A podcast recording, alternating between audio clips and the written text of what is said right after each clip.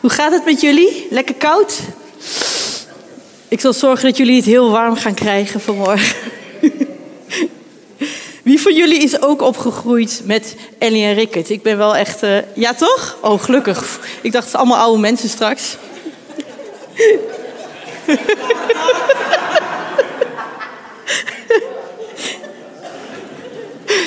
en ik hou van Rickert's teksten. Rickert is af en toe heel cynisch.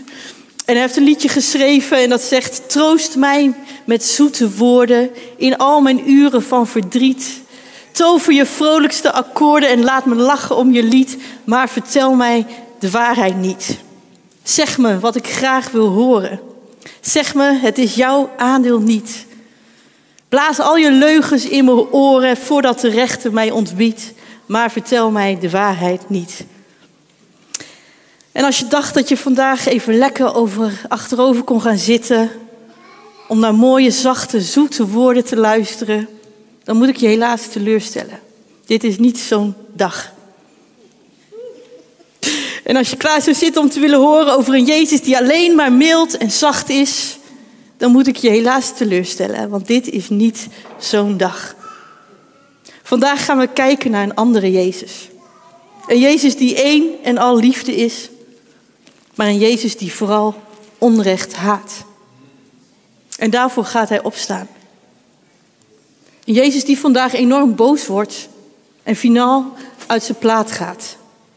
Dat is de Jezus die we vandaag gaan zien. We komen aan bij Marcus 11, vers 15 tot en met 19. Ze kwamen in Jeruzalem. Hij ging de tempel binnen en begon iedereen die daar iets kocht of verkocht weg te jagen. Hij gooide de tafels van de geldwisselaars en de stoelen van de duivenverkopers omver. Hij liet niet toe dat iemand voorwerpen over het tempelplein droeg. Hij hield de omstanders voor, staat er niet geschreven. Mijn huis moet voor alle volken een huis van gebed zijn. Maar jullie hebben er een rovershol van gemaakt. En de hoge priesters en de schriftgeleerden die hoorden wat er gebeurd was en die zochten naar mogelijkheid om hem uit de weg te ruimen. Ze waren bang voor hem, omdat het hele volk diep onder de indruk was van zijn onderricht. En nadat de avond was gevallen, gingen Jezus en zijn leerlingen weg uit de stad. We lezen dit gedeelte vandaag uit Marcus, omdat we reis door de lens van Marcus al een tijdje aan het maken zijn. Maar dit vooral is in alle evangeliën te vinden. En als we het in het Johannesevangelie lezen, dan wordt dit vooral al heel snel aangehaald als een van de belangrijke gebeurtenissen in het leven van Jezus. En dat maakt mij dus heel nieuwsgierig. Wat is daarvan de reden? Blijkbaar is dit een heel belangrijk verhaal. Als Jezus het nodig vindt om zo intens boos te worden, dan moet er wel een hele belangrijke reden voor zijn. Wat is die reden? Ik weet niet voor jullie, maar ik moet en ik wil dat weten. Kort hiervoor was de intocht in Jeruzalem geweest. En nu ging Jezus, net als de vorige dag, de tempel binnen. En we lezen even hiervoor dat hij dus er al was geweest. Dus er staat niet dat er toen al enige emotie was geweest. Maar grote kans dat hij dit al die dag ervoor dus gezien had. Alleen nu zou hij spijkers met koppen slaan. Want de maat was vol. En dat is goed te lezen ook, want er staat niet, Jezus die was verdrietig om wat hij zag. En hij vroeg hen met licht aandringen of ze misschien even weg wilden gaan. Er staat ook niet dat hij nu even zijn grens zou aangeven. Hij vroeg niks, geen gezus, geen zoete woorden. Dit waren klinkklare daden. Hij ging de tempel binnen en begon iedereen die daar iets kocht of verkocht weg te jagen. Hij gooide de tafels van de geldwisselaars en de stoelen van de duivenverkopers omver. Wegjagen, omvergooien. En in het Johannes-evangelie staat er ook nog dat Jezus een zweep van touwen had gemaakt... waarmee hij ze allemaal, de schapen en de runderen, de tempel uitjoeg. Hij gooide het geld van de wisselaars, bam, op de grond. Hoppakee. Dat kun je gerust boos noemen, toch? Dat is even niks milds en zachts in te ontdekken. Was dat wel oké? Is zo'n boosheid wel oké? En dan Jezus nog wel. Ik weet niet van jullie, maar ik heb toch altijd wel vooral in mijn hoofd dat Jezus vol zachtheid en mildheid is. Dat plaatje met dat lammetje op zijn arm. En er staat er ook geschreven dat er in hem geen spoor van duisternis is. Hoe dan deze actie? Hoe komt het dat onze Jezus zo enorm boos wordt? Niet binnen de lijntjes, echt boos. Gooien, smijten en een zweep maken en mensen eruit jagen. Moet je je voorstellen dat het hier vanmorgen zou gebeuren? Zouden we best wel raar opkijken, toch? Jezus die die tafels van de koffie en de thee zo uh, omver gooit. De giftbox die daar zo keurig in de hoek staat door deze zal smijt. Velen van ons met een zweepje de zal uit zou jagen. Waarschijnlijk zou iemand 112 bellen, denk ik, dat er een verwarde man opgepakt moest worden. Maar dat is toch niet echt heel normaal? En dan zou je kunnen zeggen, ja, maar wij zijn hier geen handel aan het drijven. en wij zijn niet zo in en in slecht als die mensen daar die daar toen bezig waren, toch? Maar laten we vandaag eerlijk gaan kijken. Omdat wij dit vooral al best kennen, hebben wij deze mensen al snel als de slechterikken in ons hoofd. En bepalen we al snel dat het natuurlijk heel stom en oneerbiedig was wat deze mensen deden. Maar we hebben geen idee hoe deze mensen op dit punt waren gekomen. Vast niet in één dag besloten, wij gaan eens even de tempel onheilig maken. Daarbij was het heel logisch en onvermijdelijk dat ze in de buurt van de tempel handel moesten voeren. Het was daar waar de vreemde valuta gewisseld moest worden.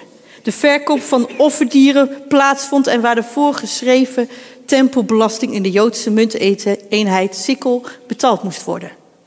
En dat moest in de buurt van de tempel zodat de tempelgangers die uit andere delen van het Romeinse Rijk kwamen, daar hun eigen munten in konden wisselen. Dit was dus niet een hele rare of onlogische ontwikkeling geweest, menselijk gezien. En waarschijnlijk kwamen ze steeds meer tot het punt dat het ook wel iets meer in de richting van de tempel kon zijn. En was het stapje voor stapje zo ver gekomen dat ze niet meer in de buurt van de tempel handel voerden en bezig waren hun zaken te regelen, maar dat het steeds meer in de tempel werd. In de tempel. In het heiligdom. En ooit was het zo dat veehouders het beste dier uit hun kudde apart hielden voor de offerdienst uit dankbaarheid. Maar de economie die was veranderd en die grote stad Jeruzalem waren niet zoveel veehandelaren meer. Dus was er een levendige handel begonnen van mensen die hun dieren verkochten zodat anderen konden offeren. Dus wie er langs kwam in de tempel, die kocht een dier en die offerde het en was daarna weer een poosje van zijn religieuze plicht verlost. Even een soort fastfood offermoment zou je kunnen zeggen. Een soort McDrive om je diertje te offeren. Maar het idee van dankbaarheid, dat was er wel een klein beetje van af. En dan de geldwisselaars die hij aantrof die hard nodig waren. Want op de gewone munten van die tijd stonden de Griekse en Romeinse heersers. Hun hoofden stonden erop alsof zij een god waren. En het personeel van de tempel die had bedacht dat dat niet zo'n goed idee was. Dus hadden die speciaal tempelgeld gemaakt. En moesten de mensen daar hun geld wisselen. Eén grote levendige handel. Een handel die draaide om winst en om even je snel je geloof af te regelen. En vooral voor de rijke koopman was dat super handig. Die kon echt prima in de, za in de tempel terecht om zijn zaakjes te regelen. Dat sloot perfect aan bij, het, bij zijn zaakjes. Maar voor wie niet zo heel veel geld had en niet zo in dat plaatje paste, was er eigenlijk geen plaats. Die hoorde daar niet wel bij. Geloven was iets geworden van de rijke elite. En Jezus komt binnen in de tempel. De tempel waar hij een duidelijke droom voor had. De tempel die het huis van zijn vader zou zijn. Daar waar heiligheid en echtheid zouden regeren. Daar waar gebed en aanbidding zou plaatsvinden. Een opgeruimd huis waar orde en rust heerste. Daar waar iedereen zich zou thuis voelen, jong en oud, rijk en arm. Een huis vol van veiligheid en warmte. Een huis van relatie waar iedereen welkom was. De tempel. Gods huis. En daar treft Jezus dit aan. En het druist tegen alles in wat hij voor ogen had. Een complete afknapper. En Jezus bloed begint te koken als hij dit ziet. En de plek die een plek van heiligheid zou zijn, wordt op dat moment van plaats geschonden. En dat wat een gebedshuis zou zijn, ontaard in een marktplein. Een roofvershol zelfs. Zoiets wat een schuilplaats voor dieven betekent. Een huis voor zij die roven. Maar dat niet alleen. Het was een huis geworden waar economie heerste. En ik ben het woord economie gaan opzoeken, wat letterlijk betekent vanuit het Oud-Grieks oikos nomos. Een huis van regels en wetten. Dit was een heel ander soort huis geworden. Onvergelijkbaar. Een huis van voor wat hoort wat. Jij geeft dit en je krijgt er dat voor terug. Iets wat ons misschien wel redelijk bekend in de oren klinkt. Iets wat we als mens nou eenmaal makkelijk kunnen volgen. Duidelijk zelfgemaakte regels en wetten die we gewoon kunnen opvolgen. Snel een diertje offeren om van ons christelijke plichtsgevoel af te komen. Iets kunnen verdienen en er dan iets voor terugkrijgen. Keurig te volgen allemaal voor ons als mens. Makkelijker te regelen in ieder geval dan een diepe relatie opbouwen. Liefde ontvangen. Jezelf met al je pijn en moeite en boosheid overgeven aan een God die liefde is. Genade ontvangen om niks. Onverdiend. Jezus ziet een compleet ander huis dan hij altijd voor ogen had gehad. En hij had altijd één groot verlangen gehad. En vanuit dat verlangen en een schreeuw vanuit die hartstocht roept, nee, schreeuwt hij dan uit, dit huis zou een huis van gebed zijn. Dit huis zou een plek van relatie zijn.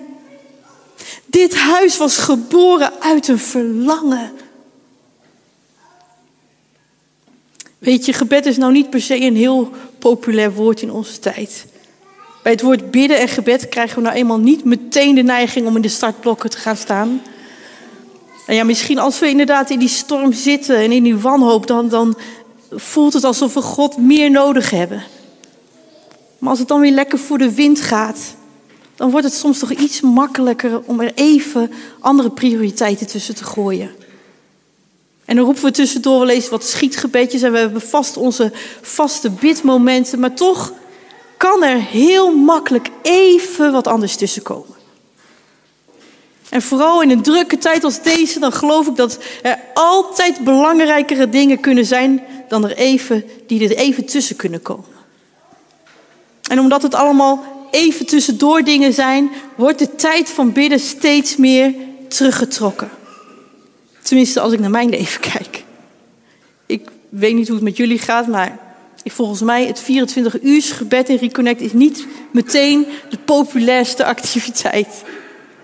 Als we tante Nina en oom Edward met hun iPadje aan zien komen, dan rennen we massaal naar de toilet. nee hoor. Ik ben in ieder geval altijd wel een van de laatste met invullen.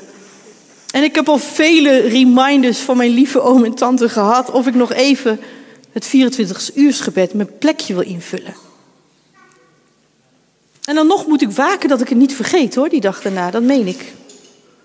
Of dat ik even snel door dat lijstje heen ga. Sorry, zo gaat het bij mij. En misschien wel bij meerdere van ons, even snel door een lijst heen gaan. En vind ik het daarom minder belangrijk? Nee, absoluut niet. Maar het is weer een puntje van die lange, ellenlange takenlijst die je ook nog moet doen. Die ook nog geregeld moet worden. En daarbij denken we ook vaak dat het volgens een bepaald format moet. En we verzinnen mooie woorden en lappen tekst en formules zodat we denken dat het het beste zal werken. Stellingen die we zelf misschien wel bedacht hebben. Sommige mensen hebben het wel eens over van we moeten er doorheen bidden. En dat klinkt heel mooi, er doorheen bidden. Maar ik weet eigenlijk niet eens of dat wel in de Bijbel staat. Bidden zoals wij denken dat het het beste werkt en God het beste zal verhoren. Er zijn zoveel methoden, boeken en cursussen over bedacht, over gebed.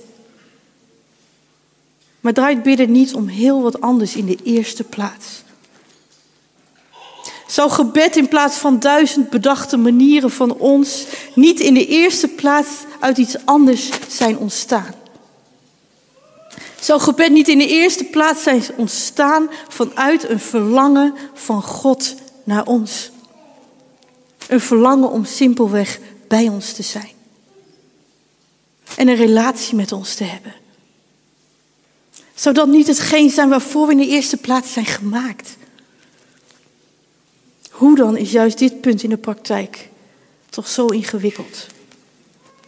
De meesten van ons kennen misschien wel de gelijkenis van Jezus in Lucas 18. Laten we het even lezen. Twee mensen gingen naar de tempel om te bidden. En de een was een fariseer en de ander een tollenaar. En de fariseer die stond daar rechtop en die bad bij zichzelf. God, ik dank u dat ik niet ben als de andere mensen. Die roofzuchtig of onrechtvaardig of overspelig zijn. En dat ik ook niet ben als die tollenaar. Ik vast tweemaal per week en ik draag een tiende van al mijn inkomsten af. En de tollenaar echter, die bleef op een afstand staan en hij durfde niet eens zijn blik naar de hemel te richten. In plaats daarvan sloeg hij zich berouwvol op de borst en zei, God, wees mij zondaar genadig. Ik zeg jullie, hij ging naar huis als iemand die rechtvaardig is in de ogen van God, maar die andere niet. Want wie zichzelf verhoogt, zal worden vernederd en wie zichzelf vernedert, zal worden verhoogd. Als we kijken naar onze diepste motieven, dan hebben we allemaal misschien ergens wel last van die hoogmoed van de fariseeën. En natuurlijk in eerste instantie niet. Want wat een duidelijke arrogantie straalt hiervan af. En doordat het hier zo duidelijk staat, denken we al snel dat wij natuurlijk niet zo zijn. En misschien bidden we wel, dank u Heer dat ik niet zo ben als die fariseeër. Die alleen maar verhoogt zichzelf en zo arrogant is. En hop, meteen zitten we in hetzelfde straatje. Negatieve gedachten over iemand anders kunnen zo snel en slinks en op, onopgemerkt gaan. En het kan zo fijn voelen om je net iets beter dan die ander te voelen. Om te zien dat jij niet zo slecht bent als die ander. Want dan valt het misschien nog wel mee met jou. Jezelf toch graag iets boven de ander zien om je toch speciaal te voelen. Maar er is ook een andere vorm van hoogmoed. Eentje die veel verborgener ligt. Een hoogmoed die op het eerste gezicht juist nederig doet voorkomen. Onzekere gedachten over jezelf. Gedachten die je naar beneden halen en zeggen dat je iets niet kan of nooit zal kunnen. Complimenten van mensen naar jou toe meteen afwimpelen. Dat klinkt heel nederig, toch? Ik zal jullie eerlijk zeggen dat ik daar een handje van heb. Ik kan moeilijk complimenten van andere mensen aannemen. Ik ben zo iemand die dan meteen kan zeggen: nee joh, valt wel mee. Nee, dat kan ik helemaal niet joh. En ik lach het meteen weg. En op het eerste gezicht kan dat oh zo bescheiden overkomen. Een houding van: let maar niet op mij. Ik ben niet belangrijk. Ik ben nog lang niet waar ik wezen moet. Misschien is het jullie wel eens opgevallen dat ik in al die jaren als worshipleader nog nooit solo heb gezongen. En de mensen in het worshipteam weten bijna allemaal dat ik dat absoluut niet wil. Sharon lacht. mensen als Gilbert en Sharon hebben me eindeloos gevraagd waarom ik dat niet wilde. Ik vind namelijk dat ik geen, absoluut geen solostem heb. En ik blijf erbij dat ik het niet kan en dat het niet voor mij is weggelegd. Bang dat als ik het wel doe, ik mega zal afgaan. Ja, je hoort het goed, dat ik af zal gaan. En ja, waar is Liesbeth dan? Waar ben ik dan? Dus het klinkt prachtig om te zeggen dat ik mezelf daar niet bekwaam voor vind. waar ik nog steeds stiekem zo over denk. Maar diep daaronder ben ik bang dat ik afga. En draait het hierin volkomen om mij. Als ik vaak negatieve uitspraken of gedachten over mezelf doe, dan lijkt het misschien heel nederig en heel bescheiden, maar het gaat nog steeds om mij. Het gaat niet over een God die mij gemaakt heeft en zag dat het goed was. En wie hij maakte voor bepaalde talenten, waarvan ik niet mag bepalen welke wel en welke niet. En nu zal ik zo meteen echt niet de microfoon gaan pakken en toch solo gaan zingen. Sorry, daar ben ik nog niet. Moeten jullie hard bidden tegen mijn hoogmoed? Maar hoogmoed kan heel verborgen in onze motieven liggen. Ik ben zo iemand. En het kan zo tegenhouden om te bidden en bij onze God te komen. Als we zouden bidden, vrij van onszelf, vrij van hoogmoed, waarin we dus simpelweg onszelf hoger in ons hoofd hebben dan onze God, dan blijven we onszelf zien in ons eigen perspectief. En dan komen we niet waar God wil dat wij komen. De tollenaar begint zijn gebed heel anders. God, wees mijn zondaar genadig. Hij noemt zichzelf een zondaar. En nou komt dit in onze ogen misschien ook over als een negatieve gedachte over jezelf, maar dit is iets compleet anders. Hij ziet God. En doordat hij God ziet boven zichzelf, ziet hij zichzelf in het perspectief van God. En beseft hij dus dat hij het zelf niet kan en niet hoeft te kunnen. Hij beleidt hier dat hij God nodig heeft.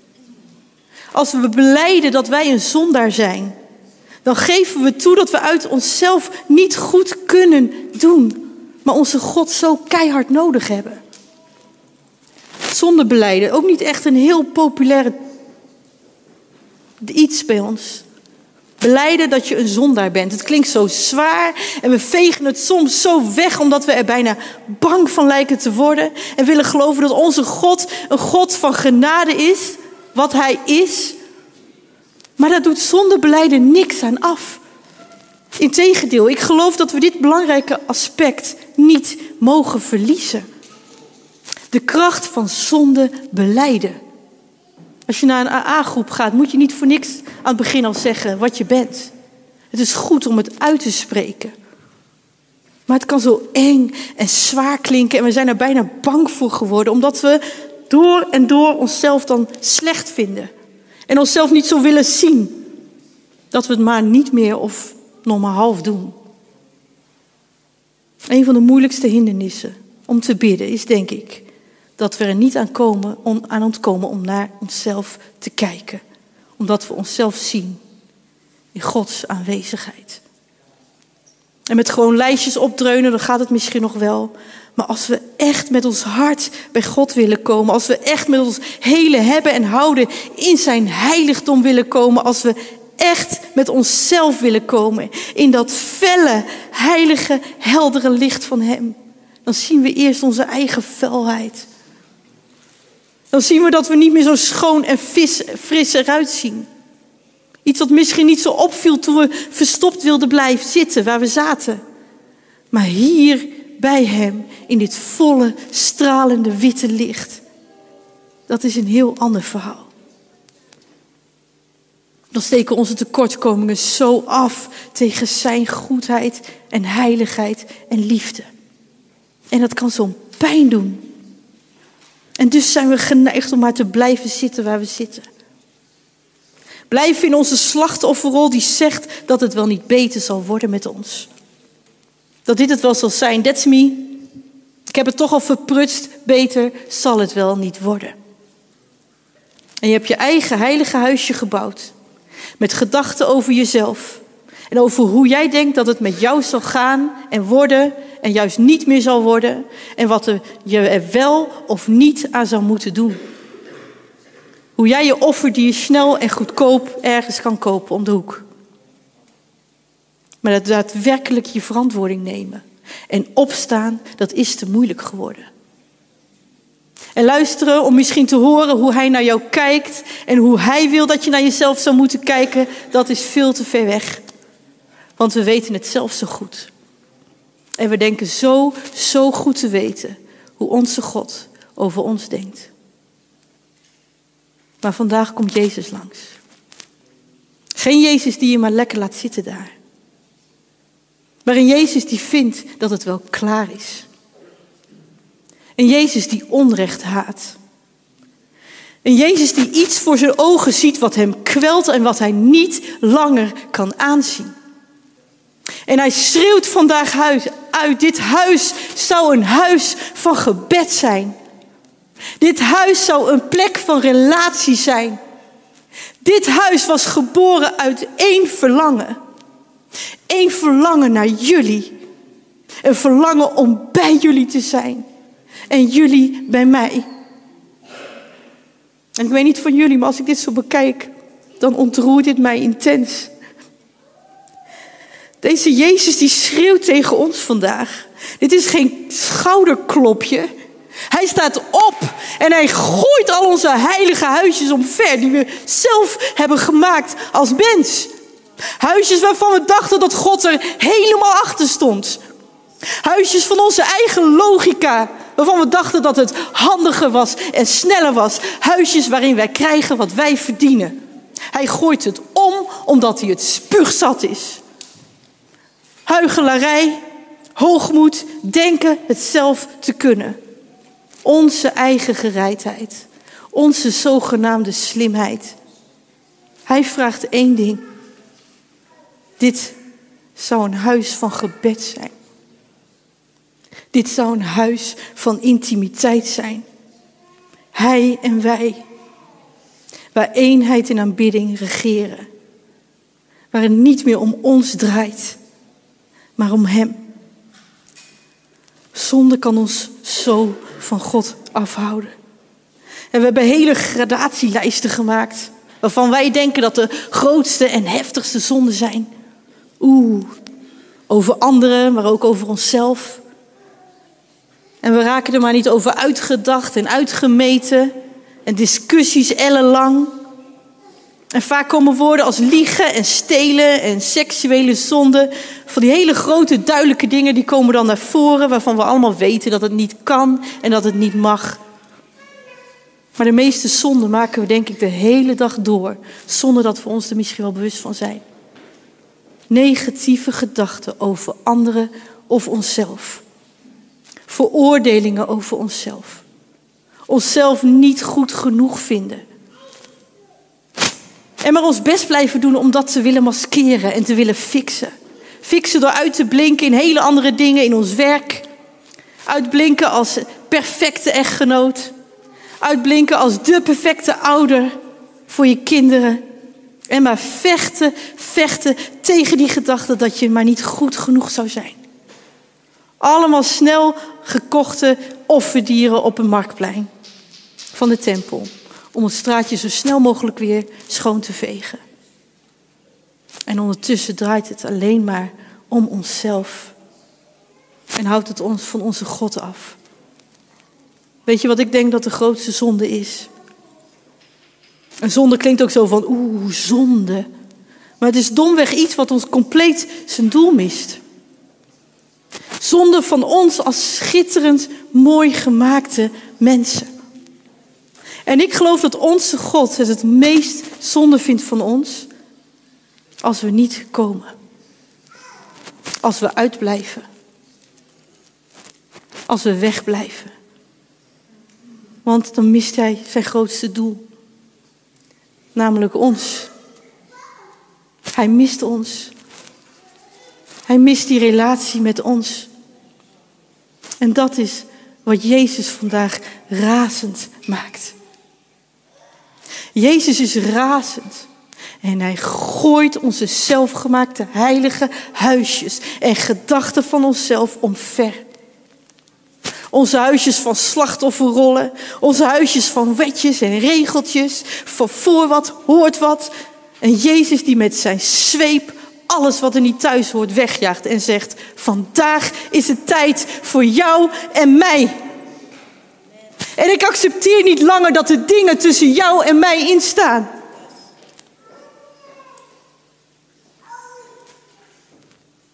Ik wil jou. Ik wil jou. Ik ben een jaloerse God. En als het om jou draait, dan, jou draait, dan ga ik daarvoor door het vuur. Dan maai ik met geweld alles omver als het nodig is. Want jij bent mijn kind. Hij zegt vandaag tegen ons: sta op. Sta op uit je eigen veilige, zelfgemaakte huisje. Sta op uit je slachtoffergedachten. Dat het voor jou niet geldt en dat het met jou nooit goed zal komen. Sta op en kom gewoon, man. Kom bij mij. Ik heb jou gemaakt. Niet jij jezelf. Hoe dan zou jij beter weten wie je zelf bent? Hoe zou jij zelf beter weten wat er voor jou zal worden, wel of niet? Hoeveel vertrouwen heb jij in je maker? Hij wil jou. En daar heeft hij alles, maar dan had ook alles voor over. Daarvoor gaat hij door het vuur. Wat we hier vandaag zien, dat is een pure passie in de diepste zin van het woord. Een intense, diepe hartstocht. Een Jezus die alles omversmijt. Die alles met een zweep eruit jaagt wat tussen jou en hem instaat. Een Jezus die het uitschreeuwt. Omdat hij jou wil, kosten wat het kost. Als een leeuw die zijn jongen wil beschermen. En zoals we misschien wel weten, staat dit vooral in de context van Pasen. En de leerlingen die dachten dat Jezus zich druk maakte over de tempel, maar de Joden vroegen hem waarom dit nou, hij dit nou eigenlijk deed. En het antwoord lezen we dan iets verder in Johannes. Breek deze tempel maar af en ik zal hem in drie dagen weer opbouwen. Jezus sprak niet alleen over dit gebouw, maar over zijn lichaam wat werd afgebroken en in drie dagen weer opgebouwd zal worden. Dat lichaam waar Jezus mens in was geworden. Dat lichaam als de plaats waarin God woont. Zijn vader waar hij zich zo intens verbonden mee voelde. En die verbinding tussen God en mensen, die werd weer geweld aangedaan. Maar Pasen komt eraan. En weet je wat het woord passion, passie betekent? Lijden om iets wat je zo graag wil, dat je er alles voor over hebt. Dat is wat hij gedaan heeft voor jou. En alleen wij zelf kunnen zorgen dat hij dat niet voor niets heeft gedaan. Dus sta op vandaag. Neem je verantwoording. Hij heeft zijn complete hartstocht en passie vanmorgen aan jou getoond. Iets waar je niet meer omheen kan. Wat is jouw antwoord? Wil vragen of het worship team naar voren wil komen. Durf jij te komen op een plek waar het niet meer om jou draait?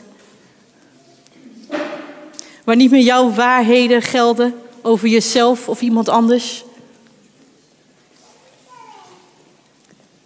Ben je bereid om te luisteren naar Zijn waarheid over jou? Te zijn in een huis van gebed waar jij en Hij voor altijd en altijd samen zijn. Ik geloof dat dat de plek is waar we voor gemaakt zijn. En als we op een andere plek zijn, dan missen we compleet het doel waarvoor we geschapen zijn. We gaan zo'n lied zingen wat heet Heilig, Heilig. Zijn naam is de hoogste, zijn naam is de grootste. Zijn naam staat boven iedere andere naam. En ik wil je vragen om het uit je tenen mee te zingen. Om te beseffen dat het alleen om Hem draait. Alleen om Zijn gedachten. Alleen om Zijn waarheid over jou. Probeer om al je eigen waarheden die je jezelf hebt verteld je leven lang. Over jezelf, over een ander misschien, maar gedachten die je van God afhouden. Probeer het op dit moment los te laten.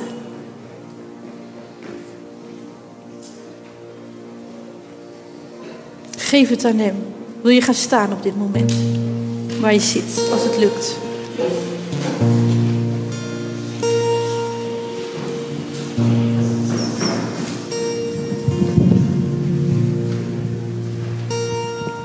Vader, we willen deze morgen bij u komen.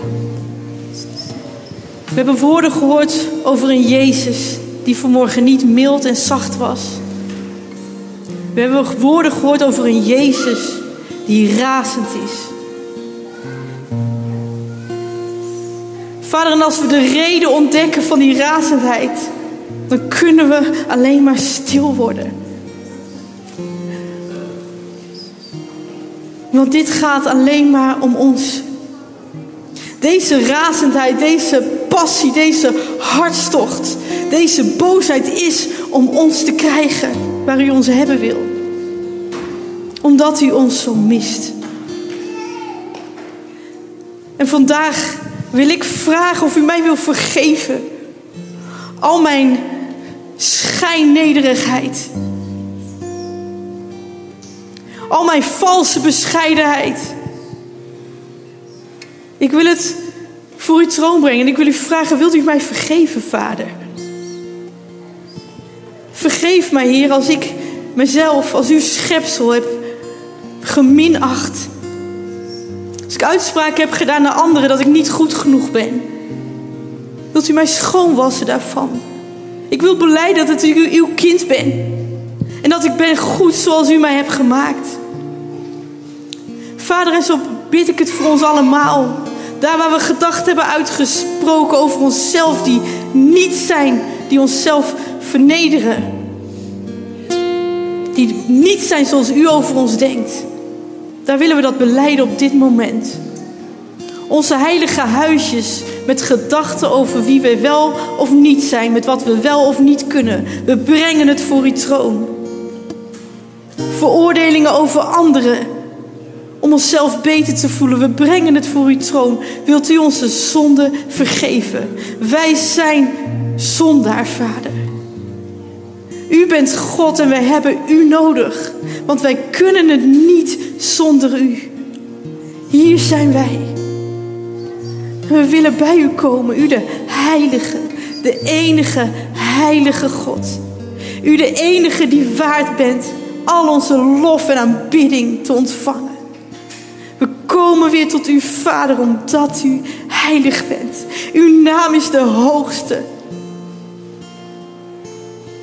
En we willen uw offer aanvaarden voor morgen. Met alles wat in ons is. Hier zijn wij, Vader. Dank u wel, Jezus. Dank u wel, Vader. Dank u dat u zo ontzettend pissig kan worden om ons. Dat u zo om u heen kan slaan en kan vechten voor ons. Dat dat uw enige passie is. Dank u, dank u wel. In Jezus' naam. Amen. Hey, Gilbert hier. Bedankt dat je hebt geluisterd naar de podcast van Reconnect Community Church. Ik hoop en bid dat je er niet alleen door bent bemoedigd of geïnspireerd maar dat deze uitzending jou ook weer meer heeft mogen wijzen naar Jezus en zijn liefde, genade en trouw voor jou en voor mij. En als jij, net als wij, ook enthousiast bent over deze podcast, dan kan je ons helpen door je te abonneren op ons kanaal en deze overdenking te delen met vrienden en bekenden. Mocht je ons ook financieel willen ondersteunen, dan kan dat via reconnect.cc/geven.